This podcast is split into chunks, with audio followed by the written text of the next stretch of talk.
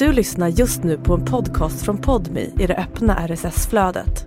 För att få tillgång till Podmis alla premiumpoddar helt utan reklam, prova Podmi Premium kostnadsfritt. Ladda ner appen i App Store eller Google Play Hallå på er mina älskade fina underbara podmi prenumeranter och god jul på er! Hoppas ni haft en fantastisk jul hittills och eh, ja, god fortsättning får man väl säga också. Avsnitt nummer 423 av den här podden är här och vi trummar på trots att det är jul och nyårstid. Vi kör inga uppehåll i den här podden och eh, det är jag ganska stolt över faktiskt att vi alltid gör det. För det är många poddar som gör det har jag förstått. Men inte vi! Och innan jag presenterar veckans gäst så vill jag ju tacka alla ni underbara lyssnare. Att ni fortsätter lyssna år ut och år in och att vi gör det här tillsammans. För utan er skulle den här podden ha dött och försvunnit för länge, länge sedan. Så eh, tack till er alla. Och jag kommer trumma på med den här podden så länge ni vill ha den helt enkelt. Och jag hoppas det blir länge därtill för att jag Tycker det här är så roligt fortfarande.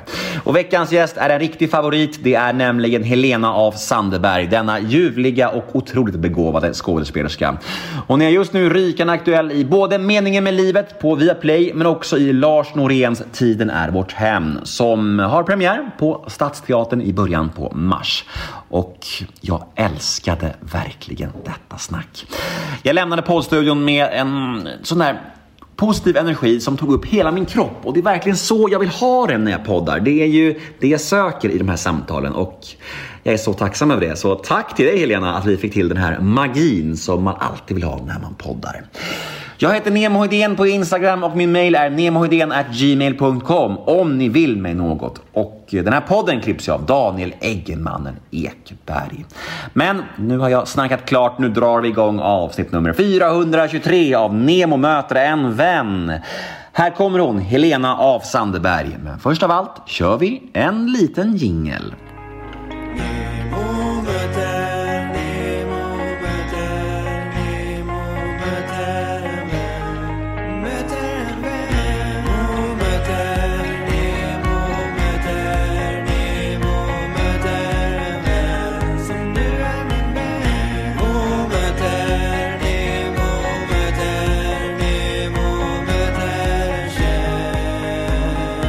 Vänta, är, nu är jag.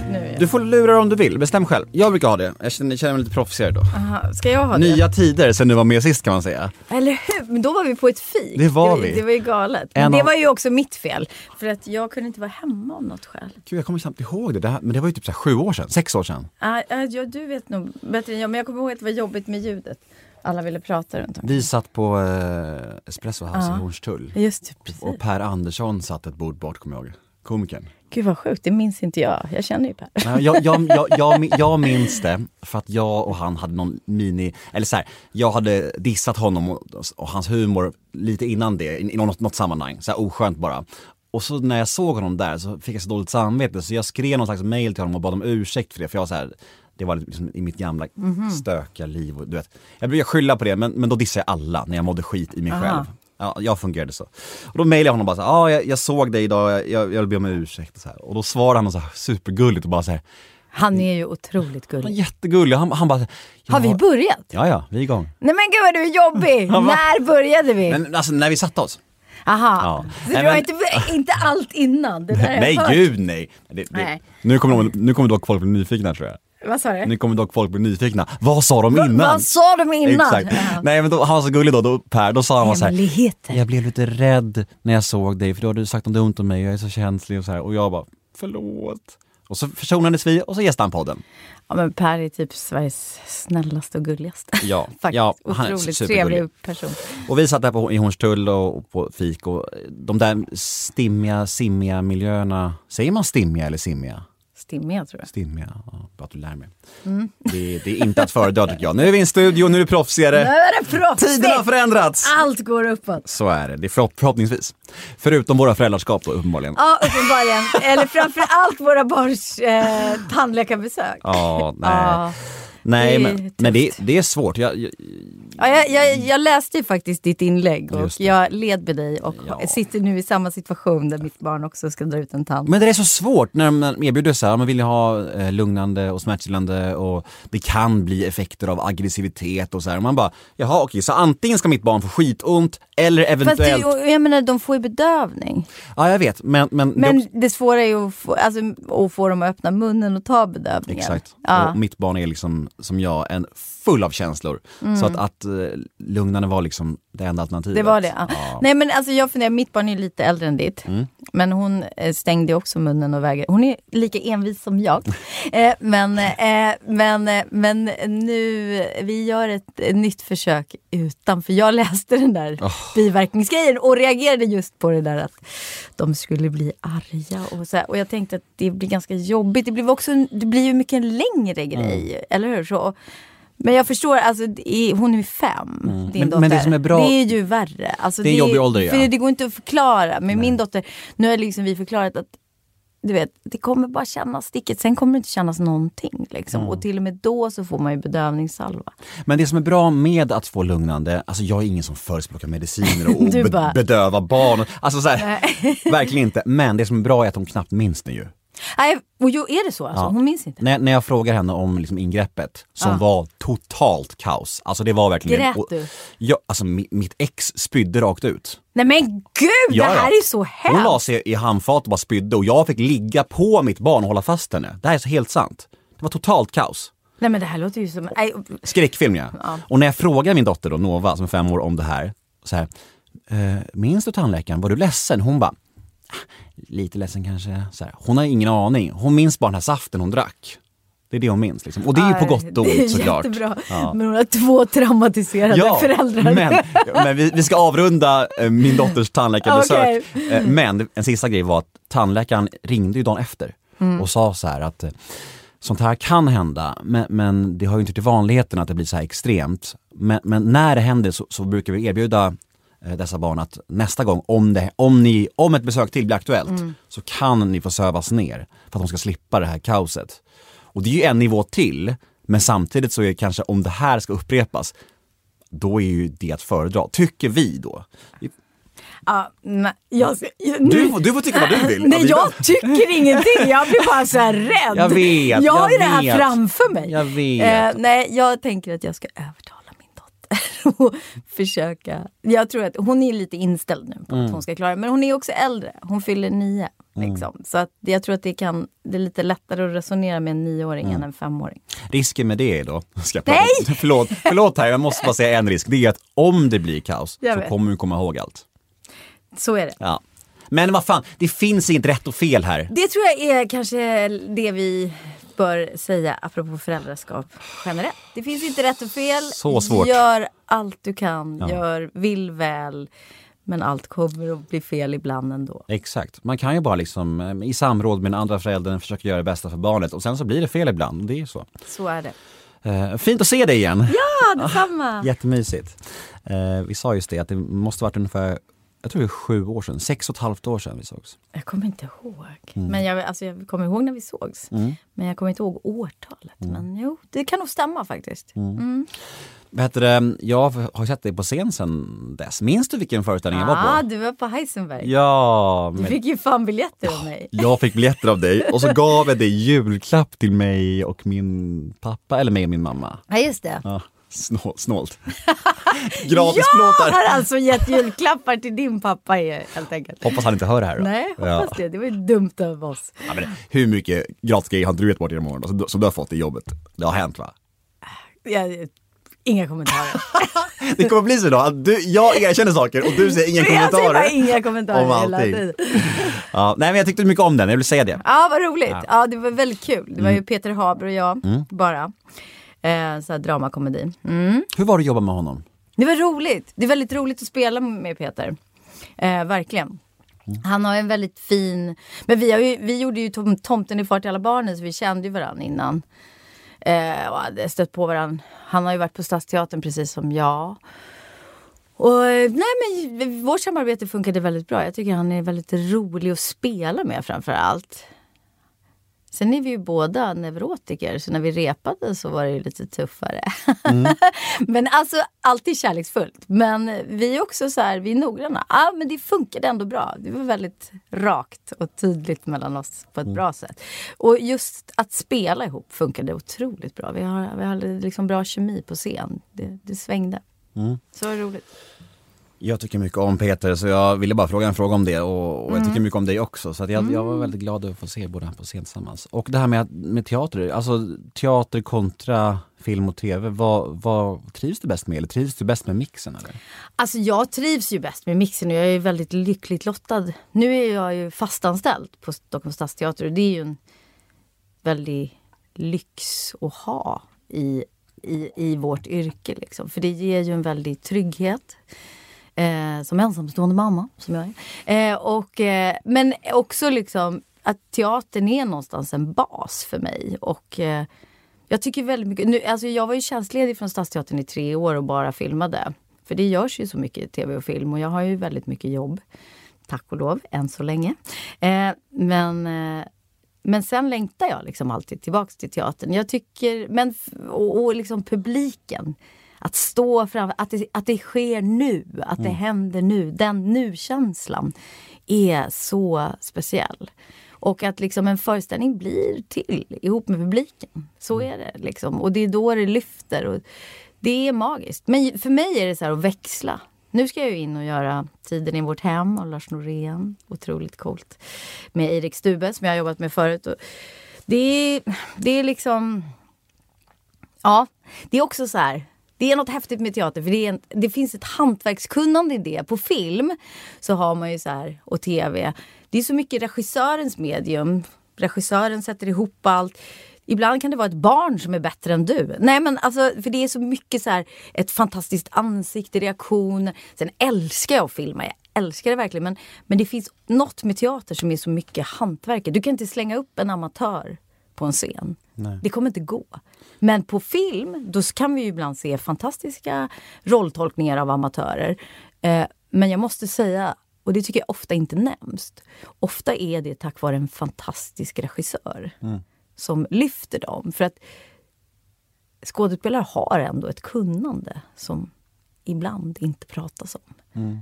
Ja, ja men precis, det, det som du är inne på där tänkte jag ta upp men jag tänkte formulera lite annorlunda. Ja. Att, att det känns som i teater så har ni liksom mer ansvar på något sätt, att ni liksom i leveransen, att, att det, i film till exempel så kan du sätta en perfekt scen och sen så när du ser res- resultatet i klippningen så kan du ändå känna så här, men shit det där var kanske inte min bästa tagning eller så. Men Nej, men- och att de kan ha klippt Exakt. upp rollen på ett sätt som inte ens var i manus. Jag Mm. spelar en sak och så byter de liksom handling. Det har jag varit med om. Jag bara, va? Men den där grejen, fil- den där tror ju jag det här, tänkte Mm. jag. Och så, nej men så det är väldigt, film är ju väldigt mycket regissörens medium. Mm. Regissören har sista ordet, men du har helt rätt. För på teatern har jag sista ordet. Mm. Regissören kan ha sagt gråt här och om jag skrattar så kan han inte göra något åt det. Mm. Så man har mycket mer makt kan man säga när man agerar på teatern, alltså i, i vad publiken får. Ja, alltså sen får man ju sparken om man inte gör vad som är överenskommet. Så i stort... Har du några exempel på det, eller? nej, nej, Nej. inte direkt Nej, tror jag. nej. Nej. men en viss mån av att man ändå står där till slut. Och att det är, det är en känsla av att det är ändå jag som gör det slutgiltiga valet. Då känns det mycket roligare, alltså det kan inte jag tala för, men, men jag menar, alltså eftersom att ni har mer, mer makt och, och det känns som att det är många av, många av ers grundelement, alltså scenen på något sätt. Ja men det är ju ofta där man börjar Mm. och det, det börjar i lusten att stå på scen. Men sen så när man hittar kameran så är den så förförisk. Mm. Det är det verkligen. För det är att vara på ett filmset och vara, alltså det, är, det som är häftigt med kameran är ju att den registrerar allt. På teatern behöver jag ju förstärka. Alltså Stadsteaterns stora scen det är 800 personer. Jag behöver liksom förstärka medan när jag nu spelar liksom när jag gjorde deg eller liksom meningen med livet, då är ju liksom kameran här. Jag behöver bara tänka saker. Så är kameran med mig. Liksom, när det är liksom så här, och det är ju också så härligt att liksom vad är det där? Och på ett filmsätt, så här, det blir en känsla av läger. Men alltså Ingmar Bergman sa det tror jag. Och det är väldigt sant. Så här, Teatern är min hustru, sa han, men filmen är min älskarinna. och jag skulle vilja säga att så här, ja, men det är lite så för mig också. Så här, ja, man då. Kanske man ska säga. Eh, men, nej, men för teatern är liksom, det är något så här, ibland behöver man gå tillbaka dit och komma ihåg grunden av sitt yrke, känner jag. Men eh, att vara på ett filmsätt är väldigt förföriskt. Man älskar sin filmfamilj. Man blir... När, när det är bra, när det är roliga filmjobb, när det stämmer, då är det liksom... Ja, det är som en romans. Mm. Jag är kär i alla. Men jag har en tes här Ja. som du kan få bekräfta eller dementera. Här. Ja, kör. Ehm, om det var så att eh, teater betalade lika bra Mm. som film och tv, då skulle du göra det jämt. Nej, det stämmer faktiskt inte. Men du har, jag har kollegor som säger det. Mm, ja men det var därför jag, Så- därför, det har därför jag, Men inte så. med Nej, mig. Jag okej. är nog väldigt förälskad i filmkameran. Mm, mm. Eh, faktiskt. Och jag, jag tror jag beskriver det dåligt men det är otroligt magiskt att filma. Alltså för det, alltså jag brukar också säga...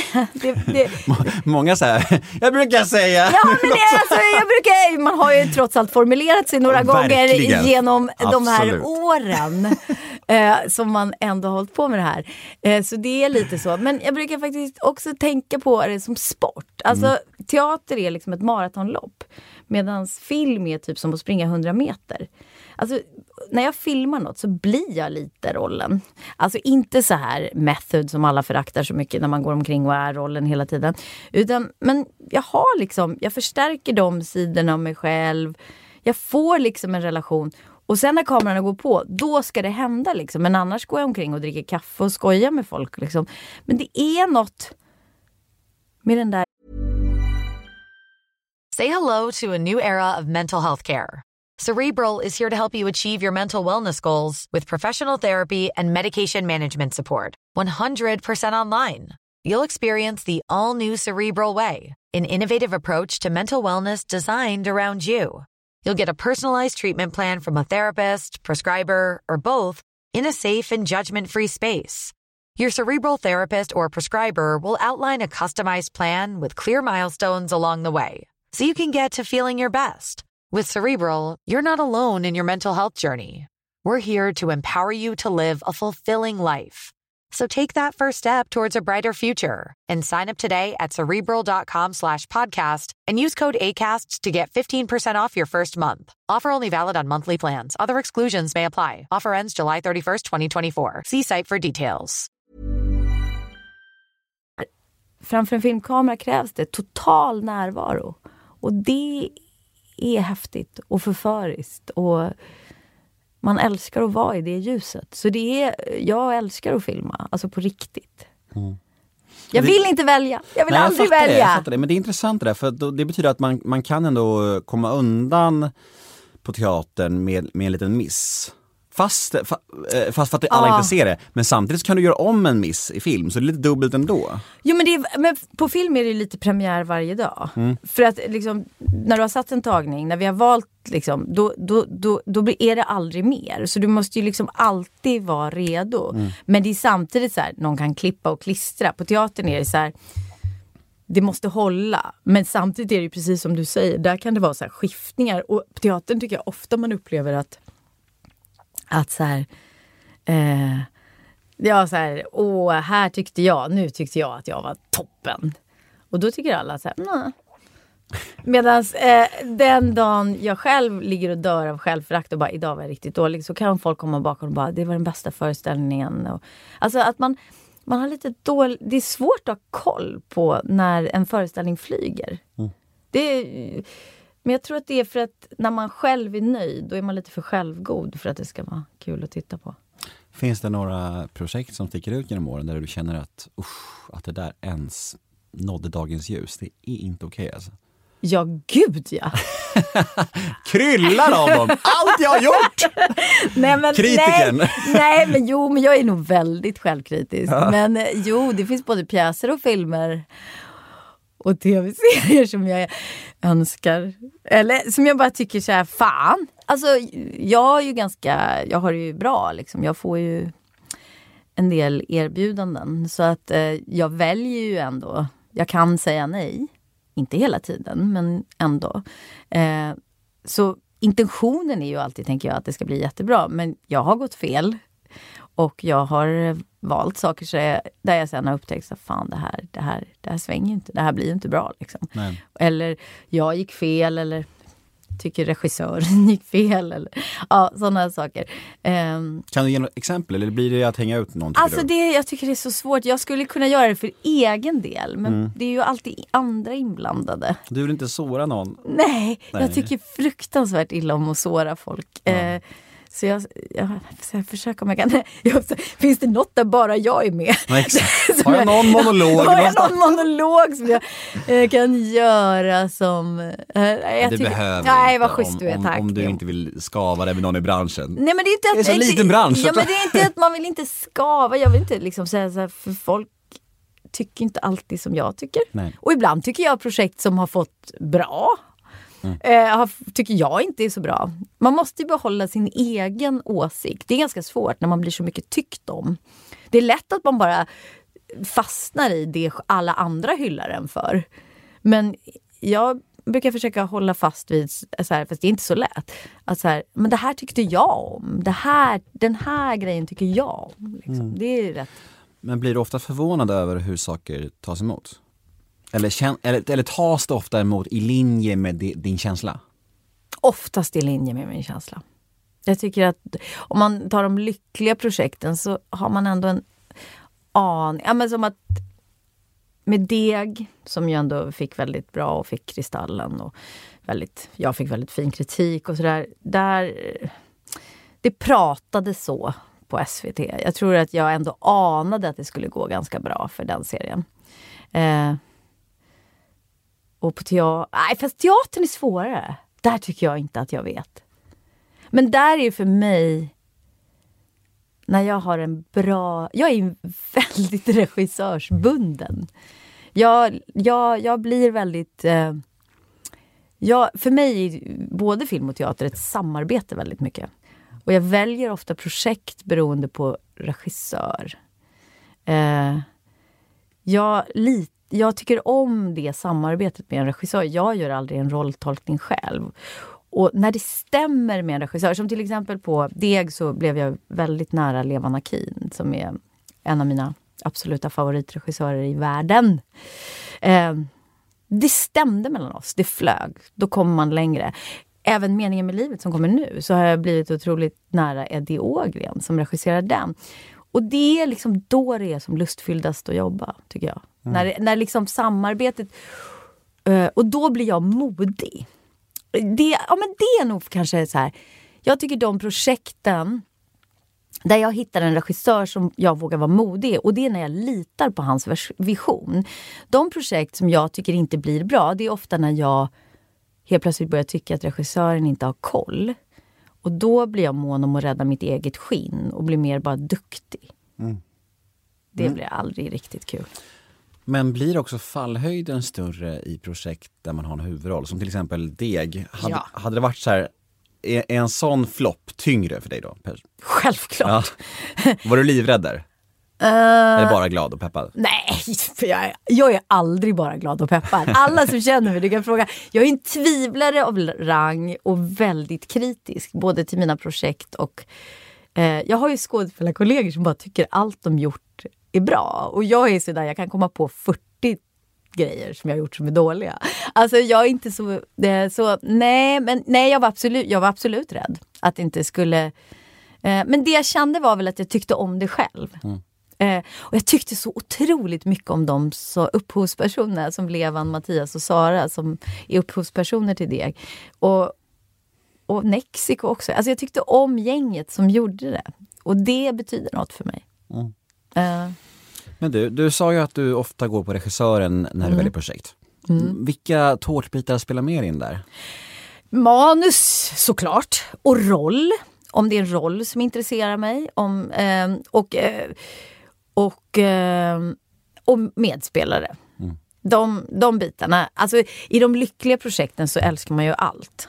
Eh, man tycker att det är ett bra manus, en fantastisk roll grym regissör och fantastiska medspelare. Då, då är det ju störst chans att det blir bra. Mm. Uh, för men det, det, måste ju också vara ekonomi. Aha, du menar om jag tjänar pengar? Ja, ah. men jag tänker, vad, spelar in i valet av, en, av ett projekt och en roll? Aha, aha du menar så. Uh, ja... Jo, att du, du har helt rätt. Alltså, ja, självklart så spelar pengar in i val också. Framförallt film kontra teater. Att, eh, för att det, jag tjänar ju mycket mer när jag filmar.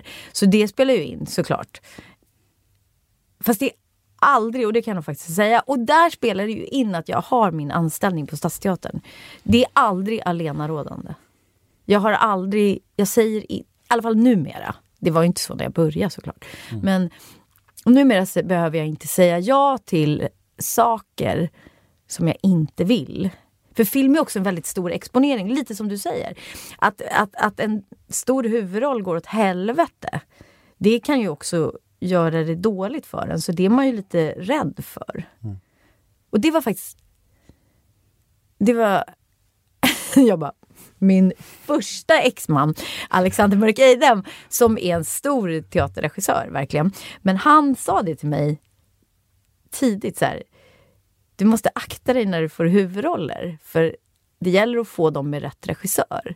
För får du en huvudroll med en svag regissör, då kan det bara vara dåligt. Mm.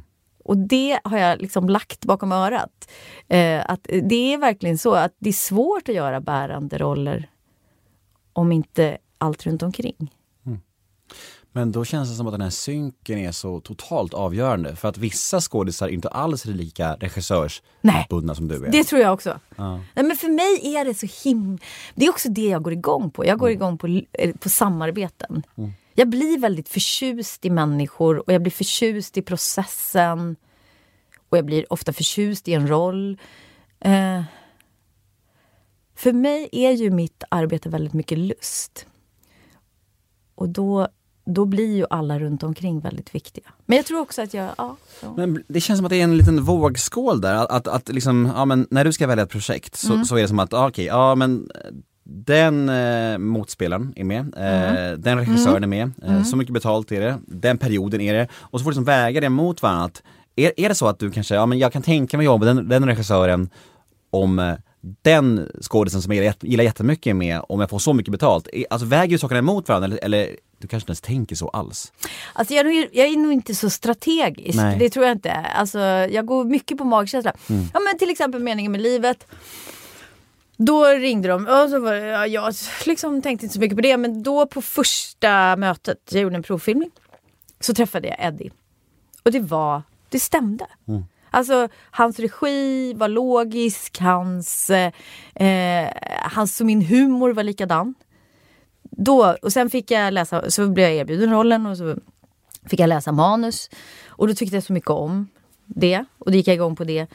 Och så fick jag höra att Ulf Stenberg, eh, han blev också klar samtidigt, skulle spela med in. Och vi hade provfilmat och det bara klickade mellan oss. Då, då kände jag bara så här, I'm home. Mm. Och sen visste jag, Celie och jag är ju vänner så det blev liksom bara som en stor tårta till slut. Mm. Och det är liksom, ja, nej allt spelar roll. Men sen, jag menar, nu ska vi också så här, precis som jag sa, jag är frånskild, ensamstående mamma. Alltså, ja, det är ändå värt att... Ja, det är det verkligen. Det, det vet ju du. Ja, men gud, ja. Det är fucking, eh, du vet, det är inte lätt. Nej, Pusslet. Är... Och jag menar, ibland måste mina barn också så här, jag tänker ju mycket på att liksom, jag ska ju försörja dem också. Mm. Så det spelar in. Jag vill inte liksom romantisera att jag är så himla... Men jag är otroligt glad för min trygghet, för det är inte så många som har, genom att jag har teatern och är fastanställd. Men kör du varannan vecka? Ja, men eftersom vi alla är i den här branschen och eh, jag då har två fäder till mina barn, eh, så är det ett jävla pusslande. Det är varannan vecka som är utgångsläget. Men alla får anpassa sig efter dig? Nej, nej, nej. nej. Jag, alltså, de har ju bara. samma bransch. Ah, ja, ja. Så att alla anpassar sig efter... Nej, alltså. nu blir jag galen! Hela våren till exempel. Nu lämnar hon studion här. Nu går jag. Nej, men, nej, men hela våren till exempel så eh, Ava, min yngstas pappa, var och jobbade i Malmö. Och jag filmade Meningen med livet och spelade gasljus på Stadsteatern. Eh, det är ju liksom ett omöjligt pussel. Jag var då själv. Han var bara hemma lördagar eh, hela våren. Så jag hade hela så här. Men då, då anställde vi Avas kusin som barnflicka. Mm. Och det gick ju. Och det är liksom lite så vi jobbar. Vi är väldigt goda vänner. Det verkar ju faktiskt ni Mm. Ja men det tycker jag. Alltså, Ja. Jag tror att vi är långt över medel i alla fall. Ja, Men sen, ja, men- Så, sen, så, Ja. sen så tjafsar man ju ibland. Ja, men fan. alltså, om man uppfostrar ett barn tillsammans så måste man tjafsa ibland. Så är det. Men, men vi i alla fall, vi, vi är väldigt, idag, vi har också haft längre tid på oss, men vi är väldigt goda vänner Mm. eh, alla tre. Och jag känner att det där pusslet går ganska smärtfritt faktiskt just nu. Vi hjälps åt. Ja. Ja. Och det här med att leva två liv då. Ena veckan så är du mamma, andra veckan så är du single mom på stan. Ja, Ja. ja, jo. Ibland är det bra att de kommer. Fan, jag tror jag såg det någonstans. Du la upp så här, gud vad jag behövde barnvecka, något sånt där. Jo men det var, jo men det är också så här, Roligt. Jo men det var för att jag hade varit ute fyra dagar i rad och jag är alldeles för gammal för det, jag orkar inte det längre. kan barnen komma en dag tidigare? Va? Nu går det inte. Nej Ja. men du vet ju det är, alltså i vissa perioder, alltså när jag jobbar försöker jag ju alltid anpassa. Alltså det, du, du, jag, jag säger bara du vet hur det är hela tiden. Det är väldigt radiovänligt. Eller vad heter det? Väldigt. Jag säger bara, nej men, eh, ja, nej men eh, ibland, så jag försöker alltid jobba mer då och allt så men ibland blir det ju Sen försöker man ju också träffa sina vänner och allt sånt där. Och, men eh, eh, ja. Man trycker ihop Man allt trycker, annat man på komprimerar. den veckan. Ja, men så är det verkligen. Ja, men så gör man ju. Liksom. Jag började barnfri vecka idag. Eh, och, och det, Så det är party ikväll då? Nej det är det verkligen inte. Det är, det är, jag, Jag skojar och, jag, jag är helt slut ärligt talat. ja, jag vet. För, för mig är det snarare en vecka återhämtning. Det blir typ så. Men jag har, Jag så, sm- vet. jag har så små barn också, du vet. Det har du, det är en skillnad. Mina döttrar är liksom fem och två. Ja, men du är mitt i stormen. Ja. Alltså jag har ju lite kommit ut för min, alltså det, det märker jag verkligen. Hon är ju åtta, hon fyller nio i januari. Det är så liksom smooth nu. Mm. Alltså det är, det, Den Det- tiden kommer för mig. men det är också så här, det är som bara grädde att vara med henne. Alltså hon är så fruktansvärt rolig. Ja men verkligen, det är ju slitsamt med småbarnsår men det är också så här. Min, Men det är också guld. jag skulle precis säga det, min, min tvååring är så mysig så jag, Ja. alltså du vet när hon ligger och bara pussar på mig och kramar på mig och bara säger att hon älskar mig, alltså jag är som knark för mig. Alltså förstår du vad jag menar? Jag, Jag förstår precis. eufo- eufori liksom. Ja. Jag kan bara ligga där och bara njuta i flera timmar. Det är Mm. otroligt alltså. Så det är verkligen både och får man säga. Jag håller med dig. Jag är, alltså jag är så här, det är också det bästa jag vet, att vara med mina barn. Mm. Så jag menar, det vet vi också som skilsmässoförälder. Eh, saknaden är svår. Väldigt svår. Den är, och det är ju därför man går ut. Mm. Alltså faktiskt. Ja, det är därför man, i alla fall, eh, jag tror man hanterar det på olika sätt men jag är helt med på att man, man fyller veckorna med saker för att Ja. slippa sitta ensam Nej, och och jag, sakna menar, jag går ju ut extremt lite, det är därför Ah, ja, jag lägger ut en sån grej. Därför att det inte händer så ofta. Men, eh, men, eh, eh, nej, men just att jag, jag man fyller de veckorna. Ja, för att annars så är det där hålet. Gud ja. Alltså två dagar kanske man behöver för återhämtning. Mm. Men sen, sen, sen för mig är det så här. Och just så här. När de är sjuka eller något. Jag vill ju vara med dem. Mm. Nej men gud ja, det jag fattar helt och det är svårt, alltså är man singel och, och det blir som att är man singel och ensam och inte har barnen, då är det ju tomt och då är det ensamt och det är klart man då känner ett behov av att fylla sitt liv med saker för att slippa, för när ensamheten kan vara jobbig, så är det ju bara. Ja men så är det. Mm. Nej men också just ja, längtan efter dem. Alltså det är ju, man missar ju så mycket. Viktigt tror jag att eh, just för den sakens skull, att ha en god relation med andra föräldrar som man kan smygses på olika sätt. Ja men det, det gör ju vi. Vi med. Vi, vi det, är, här- det är underbart. Det är Alltså, så- underbart. Nej, vi, men, vi bor ganska nära varandra, vi Ja. båda bor i söderort. Så om det blir, om det blir för jobbigt Ja. så kan jag bara skriva så här, kan jag komma förbi ikväll på middag så gör jag det och så får man liksom så här, dämpa man abstinensen lite. Att ha det så är Mm. och de guld. kan ju också få abstinens. Ja, gud, ja. Ja, och gud. jag menar, det vi, gör vi också, vi facetimar hela tiden. Mm. Och min, min son ju 17 så han kommer ju lite och går som han vill. Teenage boy! Ah, gud. Lever han rövaren eller? Nej, alltså han är så bra. Han är liksom, ibland tänker jag så här, vad har jag gjort för att förtjäna detta? Mm. Alltså, för jag var ju mycket oreligare. Punkt. alltså om man säger så. Nej, han är verkligen, ja, han är en present. Jag, jag förstår inte själv. Hur var du som 17-åring? Nej men alltså nu ska jag säga, nu ljuger jag nog lite. Jag var inte så orelig som 17-åring. Alltså jag hade ju en mamma som var väldigt, väldigt sjuk i cancer. Så jag var eh, ganska städad faktiskt. Jag gick ju teaterlinjen på Södra Latin. Jag tror inte jag var så mycket mig själv just då. Jag diskade jättemycket. Nej men du vet, om man har en mamma som är väldigt sjuk så vill man inte ställa till det. Eh, för att man vill inte orsaka mer problem eh, för familjen. Så jag, jag var nog ganska... Men jag var inte särskilt glad. Min tonårstid var inte... Eh, och jag var väldigt så här, duktig flicka. Höga betyg. Presterade hela tiden. Men eh, sen dog ju min mamma när jag var 18, nästan 19. Och eh, då var jag inte så eh, lugn längre. Skulle du ta igen då? Förlora, Då, förlora då flyttade jag till New York och gick teaterutbildning. Ja, då tog jag igen. Då... Eh, ja, men jag, jag hade nog mycket som ville ut. Eh, då var jag lite vild ett tag. Och dödsföraktande, om man ska vara ärlig. För jag tyckte inte det mycket spelade... Alltså, det blev så konstigt. Det var liksom när man skulle gå ut i livet och eh, helt plötsligt så här... Åh, nu börjar det och alla var så här, gud vad spännande. Och jag var så här, livet är hell. Det värsta har just hänt, min mamma dog just. Jaha, vad kul det här var. Så jag var väldigt så här... Ja, men jag var väldigt bara så här... pff, Inget betyder något. Det värsta har redan hänt. Mm. Eh, och det gör ju... Men eh, man läker. Hur länge var hon sjuk? Sju år. Ja. Eller ja, sex, sju år. Så det präglade hela Hon blev din- sjuk när jag var tolv. Ja, Mm, Ja, det präglade hela min tonårstid. Det kan man nog säga. ja. Eh, det, och det, det har präglat hela mitt liv. Alltså jag skulle säga, förutom mina barns födelser så finns det inget som har präglat mitt liv så mycket som min mammas sjukdom och död och vem jag har blivit. Liksom. Och att det kom så tidigt i så känsliga år. Eh, ja, det har gjort mig orolig.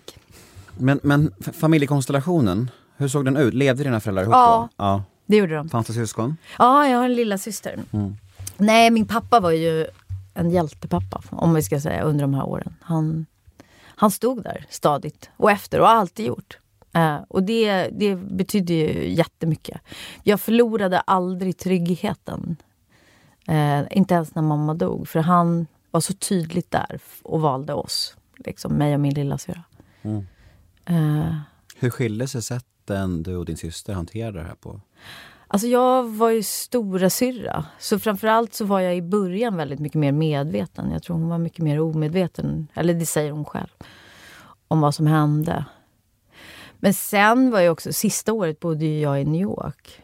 Jag, jag drog ju liksom, för vi trodde ju att hon skulle bli bättre och hon hade gjort någon så här experimentell behandling som inte funkade. Så vi trodde att hon skulle bli bättre och sådär. Det var också svårt när någon är sjuk så länge. Så är det ganska svårt att se när det helt plötsligt är värre.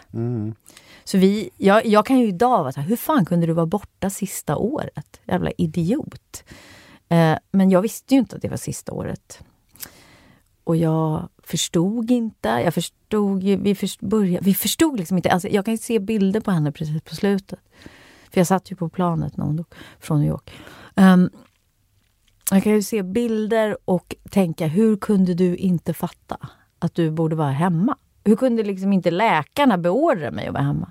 Men det var liksom som att ingen fattade, för hon hade ju varit så sjuk så länge. Eh, Ja, och sen så antar jag att det hade lika gärna kunnat bli så att du att man då sitter vid en persons sida i liksom 10, 20, Ja. 30 år. Och det var ju, hon var ju verkligen bara så här, nu måste du leva liksom. Så, här, men då, ja, men jag hade liksom skuld för det. Men jag har inte skuld för det längre. Jag var ju också ett barn. Liksom. Eller jag var inte ett barn, men jag var inte gammal. Mm. Eh, ja. Men du, Mm. Af Sandeberg, är du adel eller? Jag är adel, men jag är så jävla knap. Adel tyvärr. Ja, vad betyder det? Alltså det betyder att det inte finns några slott och vi Ah, inga ja, ja, ja, titlar och sådär. Eh, vi är adlade men vi har liksom inga förmögenheter eller slott i Skåne eller Alltså, något vad, be, vad betyder Jag är hemskt ledsen. Alltså, Ja men alltså för mig, jag, alltså jag har ju frågat. Eh, jag, det, vår, min anfader Mm. någon gång på 1700-talet var eh, chef för Ostindiska kompaniet ett tag. Mm. Och gjorde det bra. Men det har jag förstått, inte lika... Så då, vi hette ju Sandberg och därför heter vi Af Sandeberg. Det fick, men det är ju liksom inte lika fint som att vara i göra något stort i krig och sånt där. Då, då blir man så här friherre och sånt där. Vi har inga titlar, nej. inget sånt. Det, är inte, det har inte påverkat mig någonting. Alltså det blev också lite... Jag tycker snarare att det var ganska irriterande länge, för jag är uppvuxen i Rotebro. Det är liksom inte Östermalm. Men alla tror alltid att jag är så här överklass.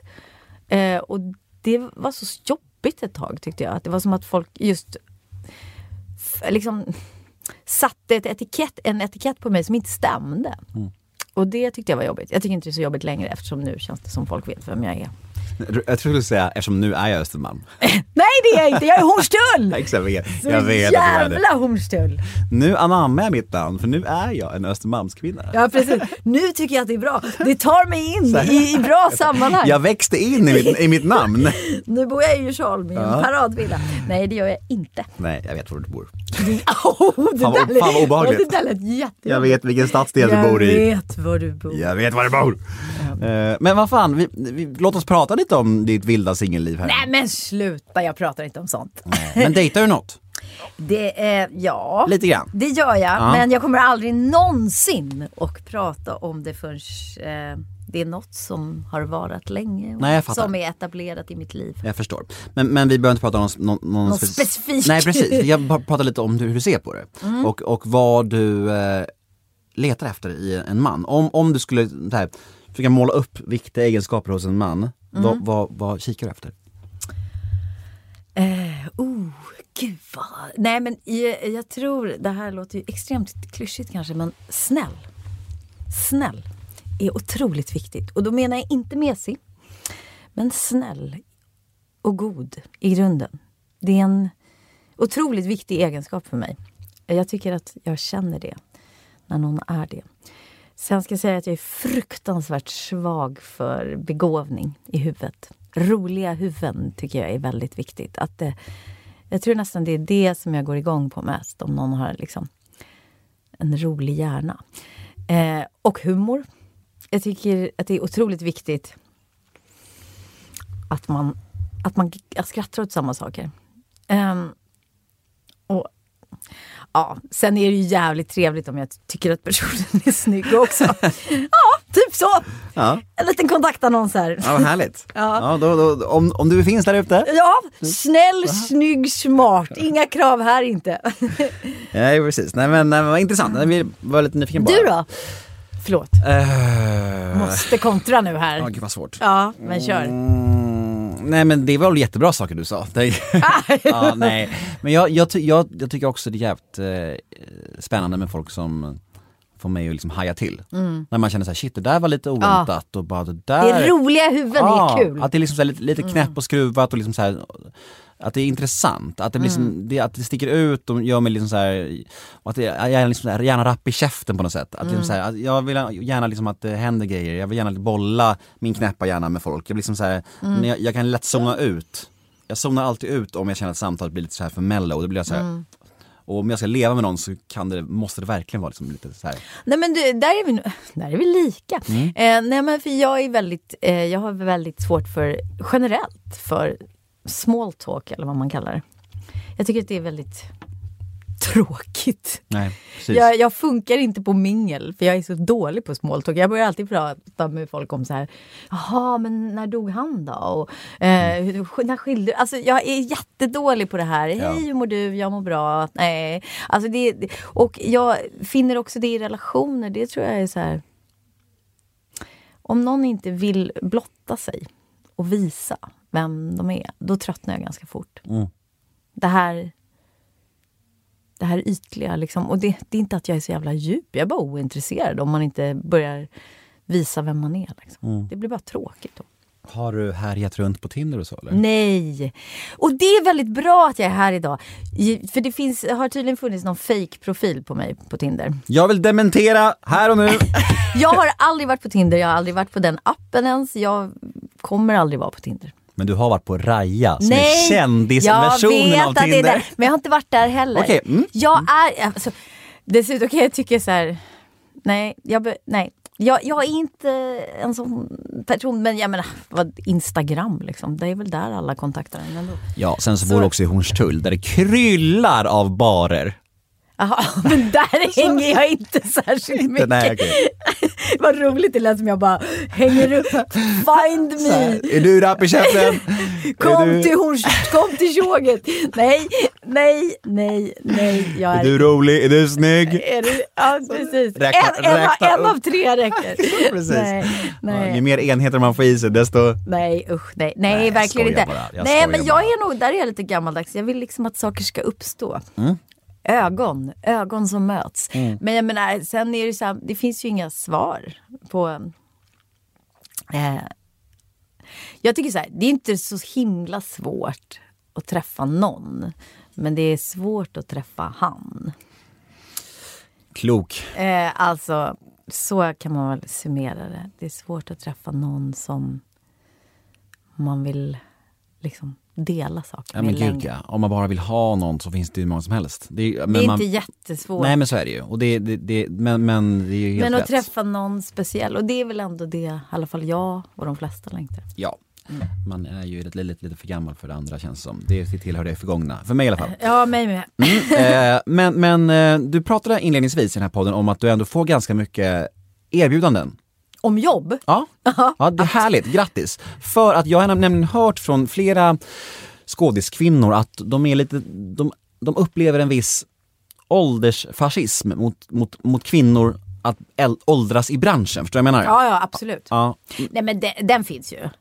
Men jag tippar att alla de du har intervjuat, vi är de lyckligt lottade som fortfarande jobbar. För jag vet ungefär vilka du har intervjuat. Eh, och, eh, Dina bästa kompisar allihopa. Typ. Typ. Ja. Ja. nej men alltså det är ju vi som är kvar. Alltså det kan man nog säga så här. Eh, så, det, det här blir så svårt, för det är sant.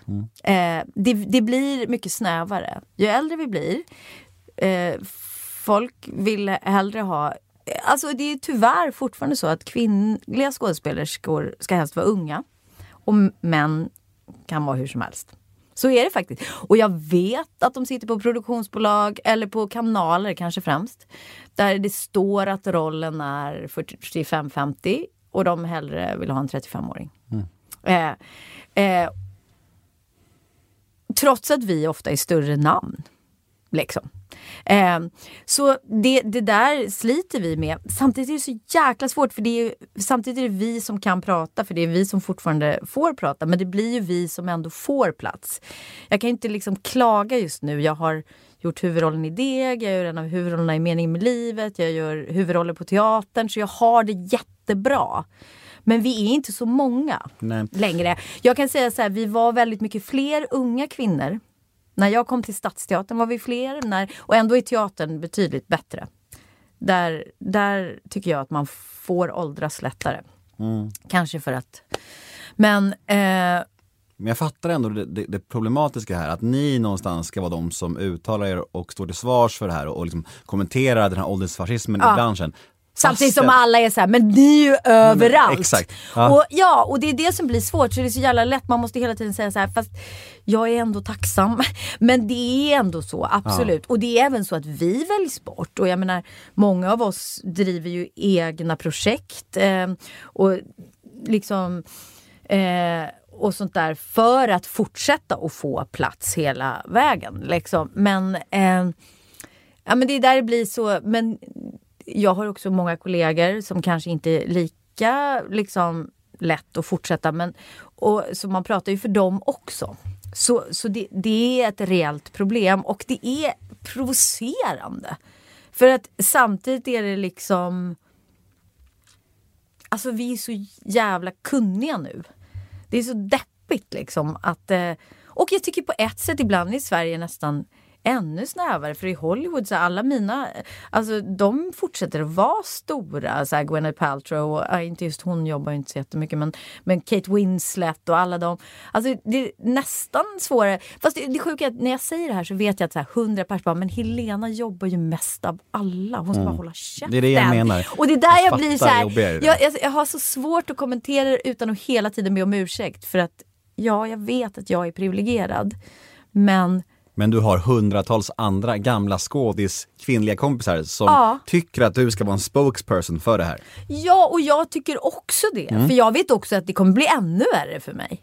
Alltså, nu har jag fortfarande mycket. Men jag vet också, och jag menar jag känner ju generationen över oss med Helena och Pernilla och liksom alla de berättar ju. Och de är ju de som jobbar i den. Men, men även de, liksom, det är ändå en väldig skillnad. När man är mellan 30 och 40 och sen. Liksom. Vad tänker du om att åldras generellt då? Både yrkesmässigt men i livet överlag. Är det någonting som stressar dig, som du mår dåligt över eller är det någonting som du inte ens tänker på? Jo, alltså jag tänker på det, men där, alltså det är en väldig skillnad för mig. Så här. Som skådespelerska, absolut irriterande. För att jag känner så här, fuck, nu är jag som bäst. Och ni vill egentligen fortfarande att jag ska vara 32. Men jag är ju jättemycket bättre nu. Men som människa, alltså där hjälper det att ha en mamma som dog när hon var 45 och blev sjuk när hon var 38. Jag kan säga så här, every day är jag tacksam att jag får vara här. Alltså verkligen tacksam. Jag har aldrig räknat med att bli gammal. Jag har aldrig vågat lita på det. Eh, eh, jag vet att man kan bli sjuk och dö Men, när men, man är ung. ja, det här kanske är en dum fråga, men, men just, eh, för det var cancer, eller hur? Mm, bröstcancer. Bröstcancer. Hur pass genetiskt är det? Nej men alltså, mm, det har jag ju pratat om förut så att jag inte eh, säga det är inget scoop. Eh, jag har gjort en grej för Cancerfonden. Jo men alltså min, eh, min mammas bröstcancer är ju ärftlig. Eh, och det, den min mormor hade också, men hon överlevde.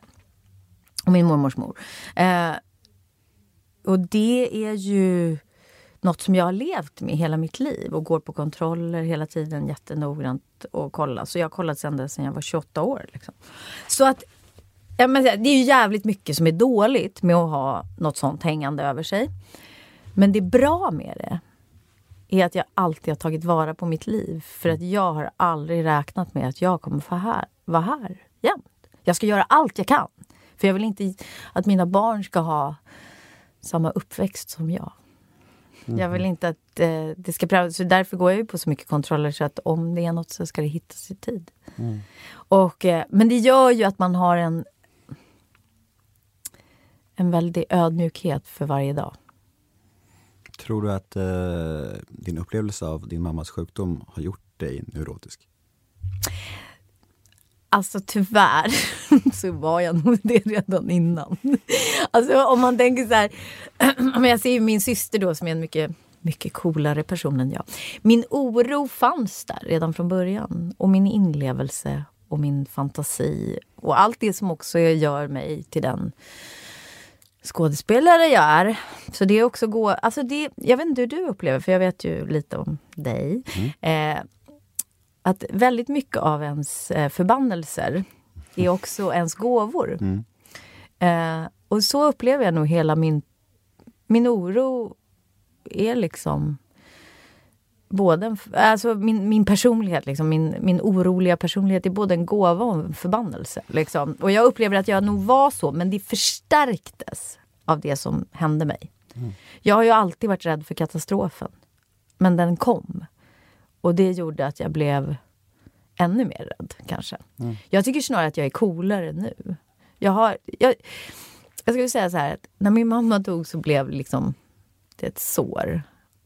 Men när Alfred kom, min första pojke, så började jag läka ordentligt. Alltså jag började läka genom mina pojkvänner som var fantastiska. Men eh, både Iglai och Alex. Men sen när han kom, då var det som att jag blev liksom... Ja, något läkte. Jag måste tro att världen är god. För hans skull. Och sen kom Ava och då blev det ännu mer. Fint. Eh, det är roligt med Eagle Eye för att eh, den människa man tror mest i världen att det ska vara ett artistnamn är inte det, eller hur? Nej, Han heter det. han heter det. Kallade du honom för någonting? Nej, jag kallar dem för Eagle Eye. Alltså jag tycker det är så, jävla roligt! sjukt! Varför är det Eagle Eye! Ja, men, ja, men alltså, det är ganska långt. Nej men så långt, det är ju inte längre än Lars-Gunnar. Liksom. Ja, i och för sig, Ja, men då säger man väl lite- Lasse, tänker jag. Ja, nej jag sa Nej, men det är underbart. Det är underbart.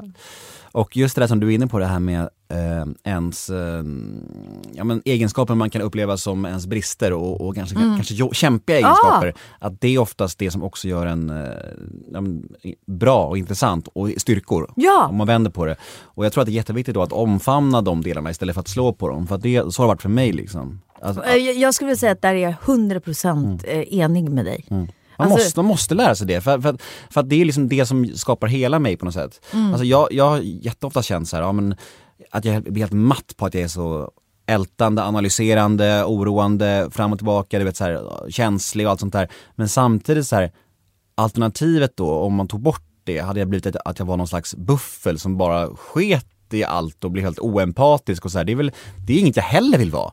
Då är jag, då är jag ju mycket hellre som jag är nu, för nu blir det ändå så att jag bryr mig om allting liksom så här och vill utvecklas och vill liksom det är så ju här. jättebra. Ja, och då får det vara jobbigt att vara jag ibland liksom. Ja men det får, ja, men, det- jag håller med dig väldigt mycket. Nej, men alltså, jag har ju slagit på mig själv för min oro. För det, den är ju också jobbig för folk Mm. som jag lever med. Och jag är ju så orolig för mina barn. Och ringer dem. Har hitta.se på dem eller vad det heter. Eh, Är det sån så att de, de, du vet vart de är Ja. konstant? Ja, det är ju roligt. Ja. ja.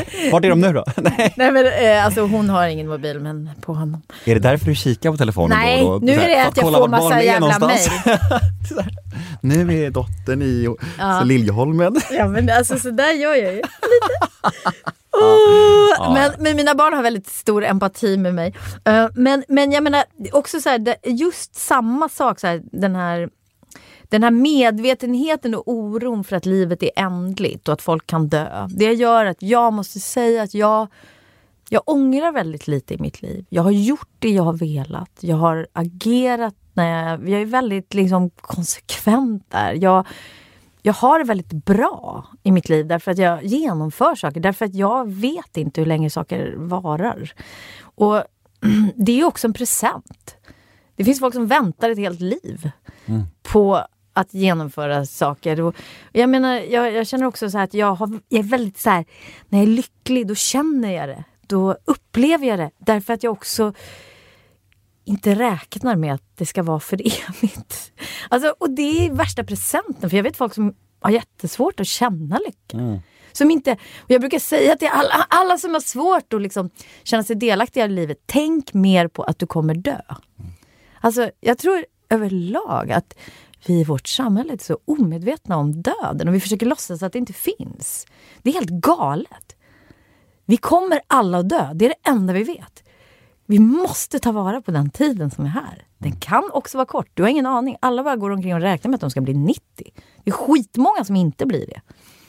Åh, Sa nu- jag, nu fick dödens gudinna Men här. Gud, alltså, nu fick jag dödsångest. Nej förlåt! Deluxe alltså. Nej men förlåt, men jag menar inte Gud, det. Jag alltså. menar inte... okej. Jag, jag fattar Jag vad, vad du menar, menar. inte det på något negativt. Så jag menar snarare så här, lite så här, lukta på blommorna. Alltså gör det bara. För att, Mm. Ja.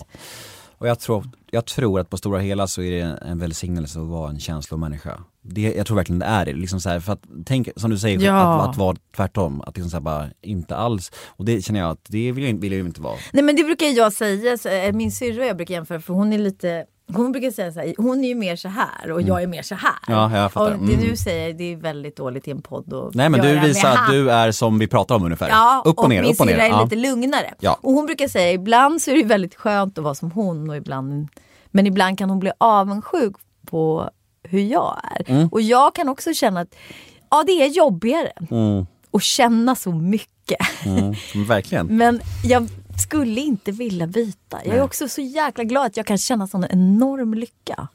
För det kan jag. Mm. Och det är verkligen inte alla som kan. Nej, det är fan intressant där. Jag, jag, just nu så är jag med i ett tv-program som går på kanal 5 som heter Herre på täppan. Det är så här lekprogram. Mm. Mm. Ja, det är massa B och C-kändisar som tävlar i tramsiga saker. Ja, men Men du kan ju inte säga så om du själv det är okej, jo men vad Ja. fan, självinsikt, kom igen. I alla fall, det är väldigt kul. Och då var det någon som ko- kommenterade häromdagen bara och sa så här: du, du, du, du är så nära på att åka ut och sen så är du, är, är du i toppen varje tävling, du måste liksom hålla dig, vara mer stabil. Och då tänkte jag på så här, men jag är i programmet som jag är i livet. Alltså jag, ena tävlingen så är jag i toppen, andra Mm. är i botten. Och jag, bara, jag lever i programmet som jag lever mitt liv, mitt känsloliv. Du är Upp sann mot dig Exakt, själv. upp och ner, upp och ner. Och det, det är så vi jobbar, eller hur? Det är så vi jobbar. Ja, underbart. Ehm, du, vi ska Ja. köra lite snabbfrågor in, innan vi signar ut. Okej, spännande. Så himla fint, för vet du, vet Jag har inte fått prata något om meningen med livet. Är jag Men- inte ändå lite här för det? Kan, vi kan göra så här, vi skiter i snabbfrågorna så får du prata lite om meningen med livet istället. Det är väl, det är väl trevligt? Ja, vi kör allt då. Vi kör allt fort. Jag kan Okej. bara berätta om meningen med livet snabbt. Det är alltså en dramakomedi. Ja. Eh, den är skriven av Maria Nygren och Tove Hillblom Eriksen. Och eh, de har liksom utgått från sina liv och det känns. Det är ett väldigt fint manus. Det handlar om två systrar och deras relationer och den här familjen kan man säga. Men den ena systern, jag då, har tre barn och har liksom tappat bort sig själv. Och det vet vi ju båda två, så här, i det här föräldragrejen. Eh, och den andra systern kämpar med att bli gravid med IVF.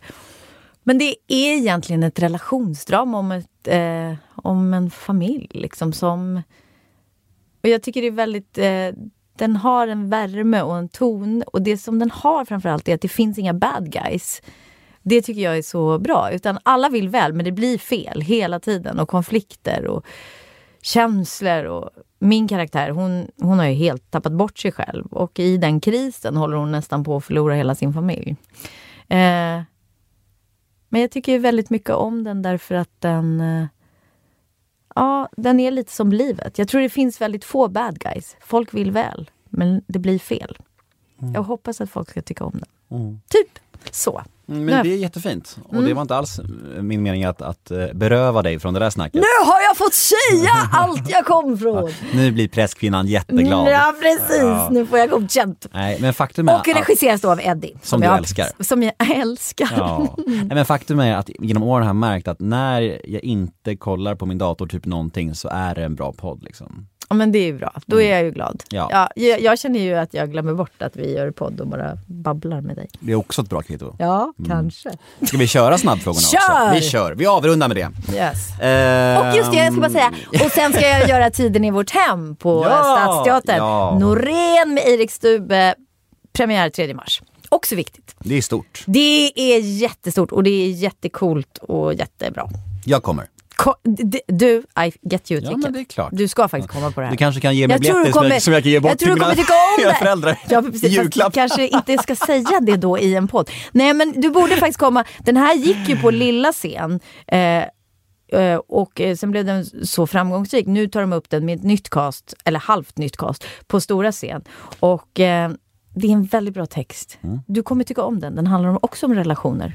Men med Noréns lilla Mm. touch. Ja, jag kanske till och med köper min egen biljett för, Nej, för en du- gångs skull. Ja, I alla fall kan du vara tyst om att du har fått den av mig.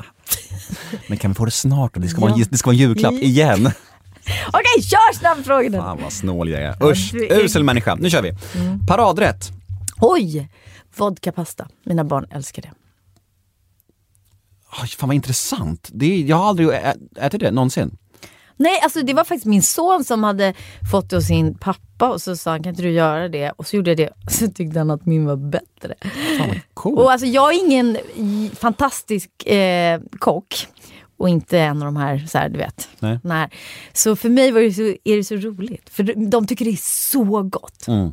Och det kokar bort alkoholen. Ja, ja. Så, alltså, vi, så, jag har, vi, så vi gamla fyllisar kan också... ja, nej, nej, så jag har inte liksom, nej, nej, nej. nej. Eller super du ner barnen Nej, jag mycket super hemma inte eller? ner mina barn. Nej, nej, nej. Det, är, det blir bara väldigt gott. Eh, det är ingen alkohol Så här, kvar. vi må vara medelmåttiga föräldrar, men det finns en gräns. Jag är inte gammal fyllis. Nu bara. drar du ner mig här. Ja, kom inte ner i min grop. Nej. vill du inte vara. Jag har så många andra egna gropar. Tack Ja, så jag mycket. vet. Det är bra att vi splittar på groparna. Ja, vi får dela Eh, på dem lite. Mm. Härligt. Eh, på tal om det då, vad missbrukar du? Oj, inte mycket längre.